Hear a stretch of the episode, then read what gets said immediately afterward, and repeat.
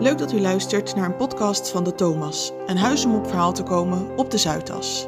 Dit is een podcast van Thomas Boek, waarin dominee Evert-Jan de Weijer moderne literatuur bespreekt en telkens de verbinding legt met bijbelse en ook culturele en maatschappelijke verhalen.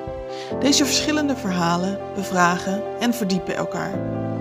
In deze aflevering van januari 2021 bespreken we de roman De Opgang van Stefan Hertmans, waarin de schrijver erachter komt dat er een SS'er in zijn huis gewoond heeft en de vraag naar het mens zijn centraal staat. Een boeiend gesprek met Evert-Jan de Weijer. Evert-Jan, Ja, van harte welkom. Hi, ja, dank Fijn je. dat je er bent. Ja, dank je. Eh, de opgang van Stefan Hertmans. Nou, voor sommigen wellicht bekend, voor anderen wellicht helemaal niet. Waar gaat het boek eh, over? Ja, Stefan Hertmans heeft eh, eigenlijk weer een bestseller geschreven na Oorlog en Terpentijn. Zijn, eh, althans, ja, zijn debuut voor veel mensen. Hij was al langer dichter. Hm. Ehm, ja, je moet eigenlijk zeggen, het heeft een verband toch even met die vorige boeken van hem. Oorlog en Terpentijn ging over de, ja, de ontdekking van de brieven van zijn grootvader vanuit de loopgraaf van de Eerste Wereldoorlog. Daartussen zat De Bekeerlingen. Eh, dat is een roman over eh, een Joodse jongen die verkering krijgt met een, eh, met een katholiek meisje en hun wederwaardigheden in de middeleeuwen. En dan deze roman De Opgang. Ogenschijnlijk lijkt het erop dat ze niks met elkaar te maken hebben. Maar waar het steeds om gaat, is dat Hertmans een soort biografisch gegeven, iets wat hij in zijn eigen leven heeft meegemaakt, omzet in een roman. Bij Oorlog ter Partij nogmaals was het die grootvader. De bekeerlingen in Frankrijk gaat eigenlijk over de ontdekking dat zijn huisje in Frankrijk, dat daar in dat dal, dat zich daar dan heeft afgespeeld, de pogroms ten opzichte van de Joden in Frankrijk. En hier dus gaat het over een huis dat hij een tijd lang heeft bewoond in de 70, 80 jaren van de vorige eeuw. Eigenlijk een soort kraakpand zou je bijna kunnen zeggen, wat hij met een aantal mensen, communegenoten ging bewonen. Waarvan hij ontdekt dat die, eh, dat, dat oude huis in eh, Gent ooit het woonhuis was van ene Willem Verhulst. Een hele beruchte Vlaamse nationalist. Die uiteindelijk, of eigenlijk vrij snel eigenlijk, vanaf de oorlog, Tweede, Tweede Wereldoorlog, eh, nazistisch werd. eh, en, Hmm. en uiteindelijk ook SS'er werd. Dus als Vlaming collaborateur werd van de, van de Belgische afdeling van de SS. Dus dat escaleert eh vrij Het snel. escaleert dus heel erg snel. Ja, dat is heel Ja. opmerkelijk. Het gaat inderdaad van een, ja, een Vlaamstalige man. Dus dan heb je ook heel die, die, die, die, die, die, die controverse tussen de Walen en de Vlamingen.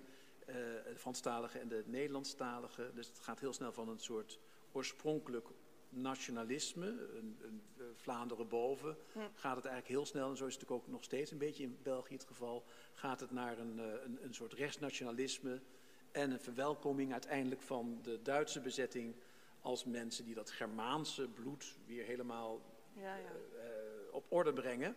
Waarbij Ja. dan de Vlamingen ook hopen dat hun minder waardige positie ten opzichte van de Franstalige elite eh, ook, ook daarmee ook een, eh, een, een, een sprong krijgt, hè, Hmm. geëmancipeerd raakt. Hm, Dus dat historische is niet he- helemaal een, iets nieuws voor Hertmans. Dat is iets wat terugkeert ja, eh, klopt. in zijn boeken. Ja, En- ja, hij staat er ook om bekend dat hij dus ook heel uitvoerig, hoewel hij ons daar ook een klein beetje mee zand in het oog, oog strooit, hm, dat hij ook heel uitvoerig historisch onderzoek daad- doet. Dit boek staat ook vol met allerlei plaatjes en, en foto's van, van huizen en kaartjes.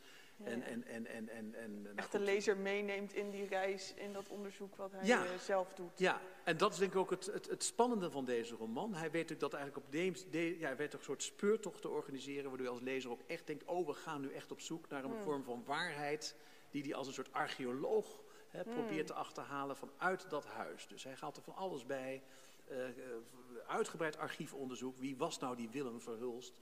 Ja. En nou ja, zo langzaam en zeker word je er helemaal in meegetrokken van hoe, hoe, wat is de geschiedenis van die man? Ja. Hoe is hij gekomen waar hij gekomen is? Hoe is dat gebeurd? ja, dus er zijn niet alleen de feiten op zich, maar juist die hele reis daar naartoe en juist dat psychologische spel ook daarachter, dat, dat trekt ook de lezer daarin. Ja. eh, Ja, en denk wat ook het, ehm, het geheim is wel van deze, dit, dit succes van zijn romans, is dat hij dus eigenlijk een persoonlijke kleine geschiedenis weet te verbinden met een veel groter historisch verhaal. hmm. Dat historische verhaal, dat kennen we op zich allemaal wel, maar dat zegt je soms heel essentieel heel weinig, ja. omdat je er bijna geen deel van uitmaakt. Maar omdat hij het de hele tijd weet te relateren Hmm. aan, een, aan, aan toch iets wat met zijn eigen biografie te maken heeft. Ja. Al was het alleen maar het tijdlang wonen in het huis, dat zo'n berucht huis was, omdat ik zal maar zeggen, heel Gent bang voor hem was. Ja, ja. Hè, eh, word je er helemaal in meegenomen in die persoonlijke Hmm. geschiedenis, die dus deel uitmaakt van een veel grotere historische Ja. beweging. ja, zo schetst hij ook weer die grote lijnen die in die, eh, in die periode speelden. Ja, precies, precies, Dan krijg precies. je eigenlijk Dus- een inkijkje wat dat op individueel niveau betekent. of ja. betekent. En, en ook wat dat dan ook, eh, laat ik zeggen, eh, in persoonlijk, op persoonlijk niveau ook aan drama betekent. Want wat ook Hmm. heel erg natuurlijk intrigerend in deze roman is, Ja. is dat hij enerzijds dus die Willem Verhulst schetst, die eh, eh, enorm eh, blijkbaar ja, nationalistisch, Ja. nazistisch is. En ook daar sans scrupule, dus ook geen enkele vorm van, van gewetensnood in heeft. Die die En- confronteert met, met nou ja, je, wist er een paar dingen van, hè, van, die die confronteert met, met, met, met bijvoorbeeld het feit dat hij een vrouw heeft, Mientje, Hmm. die nou, bij uitstek antinazistisch is eigenlijk. Hè, dus ja. Volkomen tegen Hitler is. Ja, want die- maar daar wel mee getrouwd. Maar, Ja, die Mintje die is Ja. een soort eh pietistische eh, figuur, heel gelovig, protestant. Eh, Pacifist. ja, pacifist. Pacifist. En ook niet zijn eerste vrouw, maar zijn tweede vrouw. Ja. Wa- Wat is zij voor persoon? Wat kunnen we daarover zeggen? Ja, nog, nog intrigerend, maar ik moet ook altijd uitkijken met dat je dus niet de clue verraadt voor mensen die juist dit intrigerende boek nog een keer willen lezen. Maar intrigerend is dat hij in eerste instantie zelfs nog getrouwd is met een Joodse vrouw. Voordat hij dus eigenlijk Mientje ontmoet, die sterft. eh, en, eh, en dan komt Mientje in zijn leven, eh, die ontmoet hij, nou goed, in Nederland. Dus die komt uit een totaal andere cultuur. Die komt uit een protestantse cultuur. Die Ja. komt eigenlijk uit een Calvinistische cultuur. En komt uit de sfeer van het, nou dan moet ik ver terug, maar uit het eigenlijk eh, het, het, het, het, het, het, het gebroken geweertje. Het, het- hè, dus een beweging rondom Bart de Licht, Waar de koningin nog haar opvoeding heeft genoten in die, in die, in die, in die vrije school, zeg maar even, van Bart de Licht. Hè, waar het pacifisme werd gepredikt, het, het absolute pacifisme. Ja. Het is natuurlijk een gigantisch contrast met deze fascist waarmee zij dus getrouwd is. En toch zijn Hmm. ze, nou, ze, ja, zijn ze een koppel, toch. Ja. En ze blijven ook getrouwd in die spanning. Is dat niet wat ver gezocht? Nou ja, eh, dat zou het bijna zijn, maar soms is de werkelijkheid te mooi. Weet je, dat, dat zou je in een roman niet doen, zeg maar. Ja, ja. Dat, zou, dat, dat, dat zou je bijna als redacteur schrappen. Ja. Maar dit is gewoon historisch juist. Dus, hij, dus die Willem Verhulst was inderdaad getrouwd Hmm. met een vrouw die niets van het SS moest hebben. Sterker nog, die in haar eigen huis waar hij woonde onderdak bood aan vluchtelingen eh, eh, Oké. die, die, die zeg maar, voor het fascisme op de vlucht waren. Dus het was ook een soort verzamelplek van mensen die, laat ik zeggen, juist heel erg dat pacifisme en het, bijna dat anti-Hitlerisme Mm. eh, eh, op het oog hadden. Terwijl in een andere kamer, waar stond de Ja. buste, een gipsen buste, die ook helemaal gaat onderzoeken wie die gemaakt heeft, van Hitler. En daar kwamen de SS-officieren over de vloer, daar rookten ze dikke sigaren en planden Ja, ze dus inderdaad, want dat deed hij, deportatielijsten Hmm. van mensen die dus afgevoerd moesten worden naar de vernietigingskampen. Zo. Dus enerzijds zouden we die Mientje kunnen zien als een soort heldin die tegen alles in toch die mensen helpt. Ja. Maar anderzijds schetst eh, of zegt Hertman zelf ook dat zij een tragisch figuur is. Ja, in, in, in die zin natuurlijk wel, omdat zij eh, haar, haar man natuurlijk steeds verder ziet verdwijnen in wat zij natuurlijk verafschuwt aan Mhm. hem. Eh, tegelijkertijd is het natuurlijk heel opmerkelijk dat zij bijvoorbeeld nooit eh, ophoudt om hem te bezoeken. Ook niet als hij wordt, later gevangen, gevangen wordt gezet, omdat hij natuurlijk wordt gestraft. Ja. Eh, in eerste instantie ernstig, levenslang, maar dat wordt dan via allerlei... Eigenlijk omdat zijn zoon Adriaan Verhulst eh, een belangrijke Vlaamse figuur wordt... Hmm. die notabene een vrijmetselaar is... die met zijn connecties, dat is ook een beetje wrang voor Willem... want hij was dus ook heel erg tegen vrijmetselarij... Ja, ja. maar die die dan vrij weet te krijgen na een aantal jaren. Maar ook dus ten tijde dat hij dus in gevangenis zit... Hmm. b- blijft Mientje hem heel trouw bezoeken... En de tragiek bestaat erin eigenlijk dat Willem haar op geen enkele manier trouw is. Ook niet, niet politiek, maar ook niet in Ook het niet, huwelijksleven. eh, Hij heeft, eh, houdt een minnaressen op na en uiteindelijk gaat hij met Trouwt ook met eh, zijn minnares. Ja, precies, een minnares die, die, die, die minstens zo'n zo'n zwarte weduwe Mm. of wordt Mm. als, als hij ook zwart denkt, zeg Ja. maar even. Ja, dus we hebben dus Mintje als, als sterk protestant en dus ook die zoon als vrijmetselaar. Welke rol speelt geloof eigenlijk in het boek? Ehm, nou, ik denk dat Mientje wel wordt gedreven door haar... ehm, nou, in ieder geval door die invloedssfeer van, van Bart de Licht en, en, en, de, en ook wel de vroomheid die daarmee samenhangt. Dat je Hmm. mensen niet veroordeelt, maar toch steeds weer opnieuw een kans geeft. Hmm. En dat je ook het probeert met het kwaad nou niet uit te houden, maar wel in ieder geval het niet in de steek te laten, zeg maar even. Dus Ja. ze is er heel erg op tegen, slaat op een gegeven moment ook de borstbeeld van Hitler aan diggelen. Maar eh, er zit bij haar toch steeds iets van een soort, soort trouw of een vergevingsgezindheid in, waardoor ze ook ja, eh, nou niet, niet hem vergeeft, denk ik, maar wel, nou ja, bijna wel, Ja, door ja. hem trouw te blijven eigenlijk, denk ik. Ja, misschien wat meer kritische noot. Las ook dat het liedboek der kerken wordt Ja, ook genoemd. Die dat nog niet bestond. Die toen nog niet bestond. Nee, en een nee. bijbelvertaling wordt gebruikt die toen nog niet Nee. bestond. Nee, klopt, klopt, klopt. Nee, dat is waar. Daar is hij even wat minder in geïnformeerd, inderdaad. Dat was het liedboek de Kerken, dat is pas in de jaren 70 van de vorige eeuw ontstaan. Natuurlijk Ja. met eh, dichters als Barnard en zo. Daar wordt uit geciteerd. Ja, Maar hij probeert wel een soort, soort spiritualiteit te schetsen van, nou ja, Mm. eh, een kring waarin, eh, waarin je toch probeert eh, eh, zo goed mogelijk te leven. Zelfs met het kwaad. ja, ja. Zelfs met deze man, omdat Ja. het toch haar man is. En is dat dan ook een belangrijke thematiek in het boek, het kwaad of de omgang daarmee? Nou, Of hoe zou je dat duiden? Wat ik er natuurlijk boeiend aan vind, is dat Hetmans op een of andere manier pro- ook probeert, misschien wel net als Mientje, probeert om het, om het te begrijpen. Ik zou Hmm. ontzettend graag met die Verhulst, met die Willem Verhulst willen spreken. Dat is natuurlijk Hmm. nooit gelukt. Maar je merkt eigenlijk dat hij ook gewoon geïntrigeerd is hoe komt een mens nou daar waar hij is gekomen. Ja, Dus hij probeert toch op een manier het kwaad een menselijk gezicht te geven. Dus te denken van nou, die Willem is ook een vernederde figuur die eh, eh, in één oog blind geworden, eh, eh, vernederd wordt door de Franstaligen in zijn omgeving, die ook tot een hogere klasse behoren. ja. Dus hij probeert op een of andere manier, merk je ook wel, ja, hij zou ontzettend graag, dat zegt hij op een gegeven moment ook in het boek, ik zou zo ontzettend graag nog even een soort eindgesprek, Ja. een laatste gesprek met Willem willen Ja. hebben over, nou, hoe, hoe- want het is een hele amabele man op een bepaalde manier. Heel charmant, eh, zeer populair bij de vrouwen en, en ook wel liedjes zingend en zo. Dus op zich ook Hmm. nog wel, hij schetst hem ook nog wel in een soort humaniteit. ja Terwijl hij tegelijkertijd daar bezig is natuurlijk om eh, dat verzet allemaal aan te geven bij de SS. En om Hmm. die lijsten maar eindeloos eh, eh, heel zorg- zorgvuldig Ja. op te stellen. En ook uit een soort wraak, uit een soort ran- rancune. Hè, de Hmm. mensen die altijd hem hebben vernederd, die moet als eerste op die lijst. Dus hij is daar natuurlijk ook vrede. Dus het is geen sympathieke figuur. kant. Nee. En Nee. tegelijkertijd, door hem juist ja, neer te zetten als, als, als, als een mens die, die met een gezin, met, met een eh, gezin, huis, met, eh, met, ja. met, zijn, met, zijn, met zijn woede, Ja. eh, probeer je hem toch te begrijpen. Ja. ja, en hij ziet zichzelf ook heel erg als slachtoffer en niet zozeer als dader. Ja. Ja, dat klopt. Dat klopt. Het is natuurlijk opmerkelijk ehm, eh, dat, en ook een beetje pijnlijk, en dat is ook wel de manier waarop het is gegaan, dat hij ook op geen enkele wijze ooit spijt heeft van zijn Mm. daden. Hij, hij ziet zijn gevangenis ook als, als een straf die hij ten onrechte heeft gekregen, terwijl hij eigenlijk alleen maar opkomt voor het Vlaams belang, Ja, voor het Vlaams nationalisme. ja. En eh, voelt zich ook, eh, en, en ik denk dat we het tot op de dag van vandaag nog een beetje proeven, niet alleen in Mm. Vlaanderen denk ik, maar ook wel overal, voelt zich daar ook in tekort gedaan. Dus het is Mm. heel opmerkelijk bijvoorbeeld dat die weduwe, die minnares, die maîtresse, die is eigenlijk gewoon ja, net zo fout, zeg maar even. Maar die wordt ook blijft gevierd worden tot ver in, Mm. In, in onze eeuw.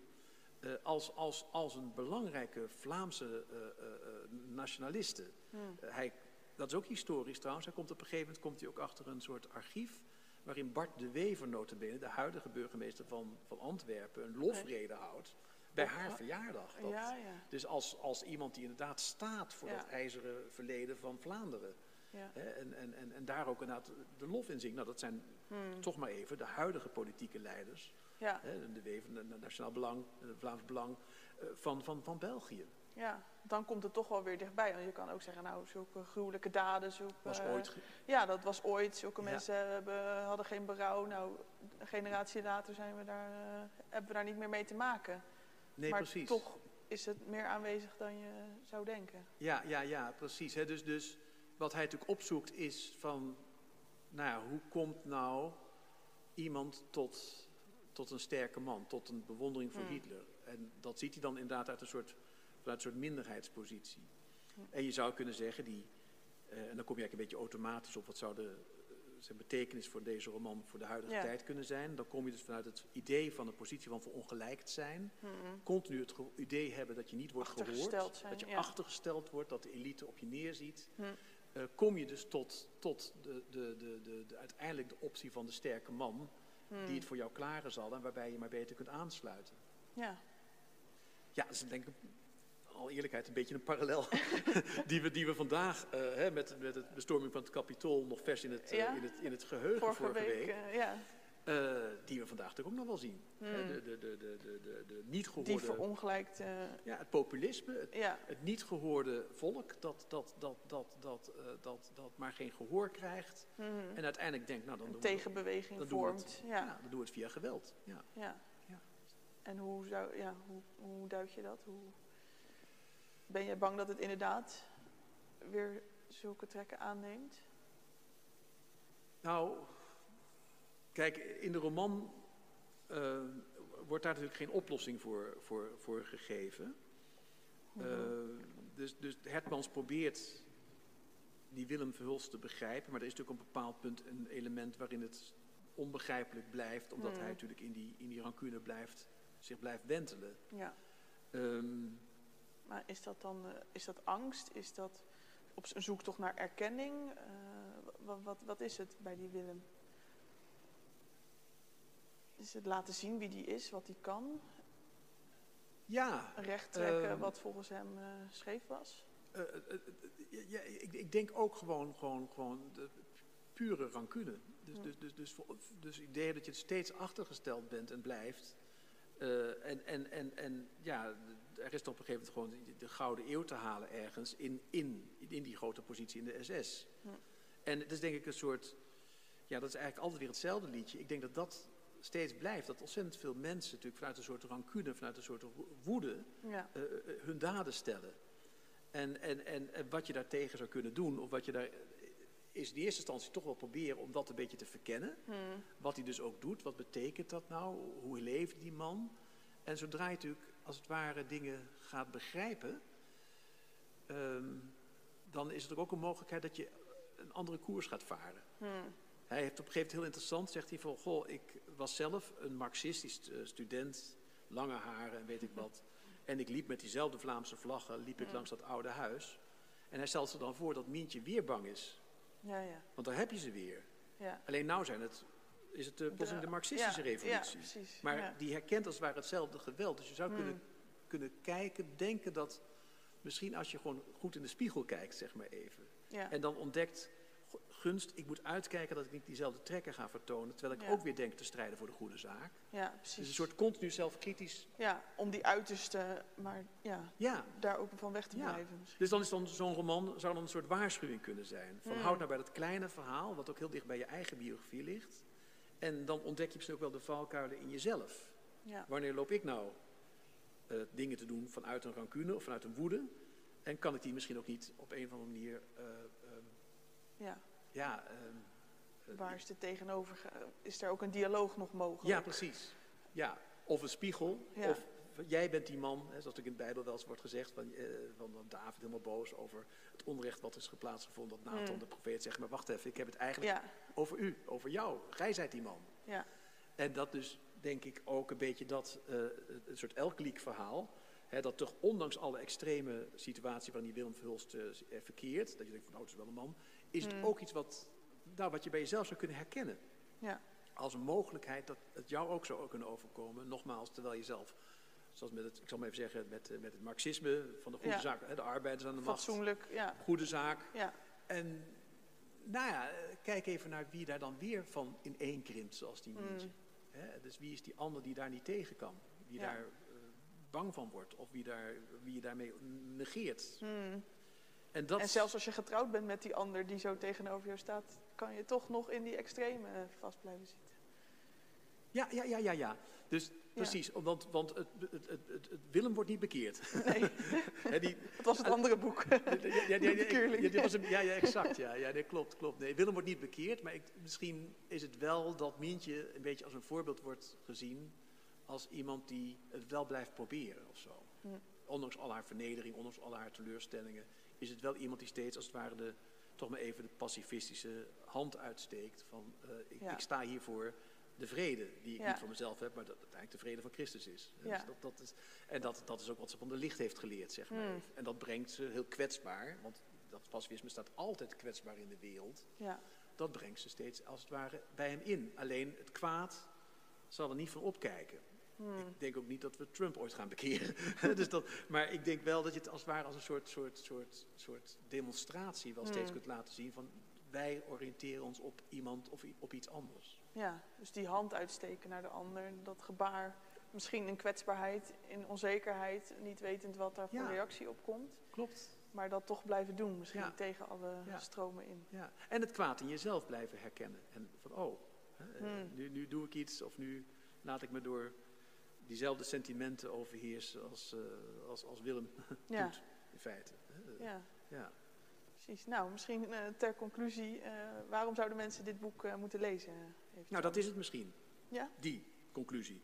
Dus waarom, waarom het lezen is denk ik omdat dat grote politieke verhaal vaak veel te groot is. Hm. Maar dat als het wat kleiner wordt uitgeserveerd, dat je dan ook de mogelijkheid hebt om je te identificeren met het figuur. En ook te kunnen bedenken hoe, hoe, hoe, hoe richt ik mijn eigen levenswandel in.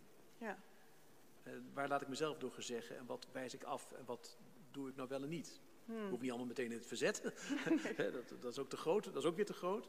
Maar je kunt wel bedenken, gunst, daar, daar doe ik het ook. Of Ja, daar wat is dreigt mijn het bij plek? mij. ja, En dreigt het bij mij te gebeuren. ja, precies. Oké, nou dankjewel Evert-Jan. En u ook bedankt thuis, eh, bedankt voor het kijken. Dit was eh, Thomas Boek voor januari. Volgende maand zijn wij er weer. En we zijn natuurlijk altijd benieuwd naar uw eh, reacties en opmerkingen. Graag tot dan.